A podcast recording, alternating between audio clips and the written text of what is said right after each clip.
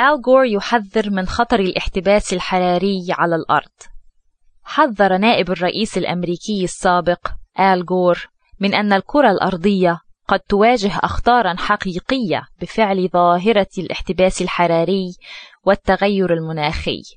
وقال آل غور في حديثه إلى أعضاء في الكونغرس إن على الولايات المتحدة التعاون مع المجتمع الدولي للتوقيع على اتفاقية تحد من مثل هذه المخاطر.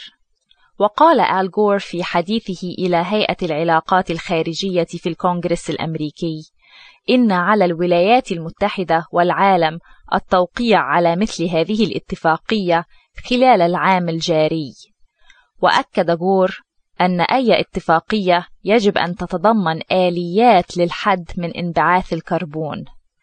من جهته قال رئيس الهيئة جون كيري إن السياسة العامة يجب أن تتغير، كما يجب الاستجابة للتحذيرات التي يطلقها المتخصصون في مجال الأرض والمناخ.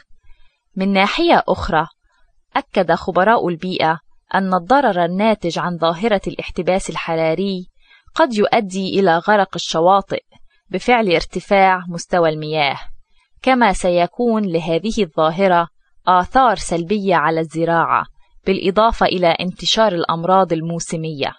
من جانبه أكد السيناتور ريتشارد لوغار أن على الولايات المتحدة البدء بالبحث عن مصادر أخرى للطاقة كالطاقة الشمسية والحرارية. وطالب غور الحائز على جائزة نوبل للسلام في 2007 لجهوده البيئية صناع القرار في الولايات المتحدة بضرورة اتخاذ إجراءات اقتصادية تساعد في حماية البيئة.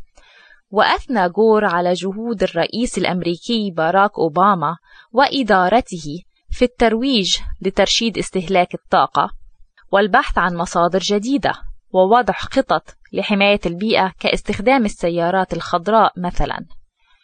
وتؤيد العديد من الدراسات الدولية ما قاله آل غور في هذا الاجتماع حيث أصدرت المجموعة الحكومية للتغير المناخي في الولايات المتحدة والأكاديمية الوطنية للعلوم والهيئة الأمريكية للتطور العلمي تقارير لمساندة غور في قضيته. ويطمح غور وهيئة العلاقات الخارجية في الولايات المتحدة إلى توجيه الأنظار لمثل هذه القضايا في المؤتمر البيئي الدولي الذي سيعقد في الدنمارك نهاية العام الجاري.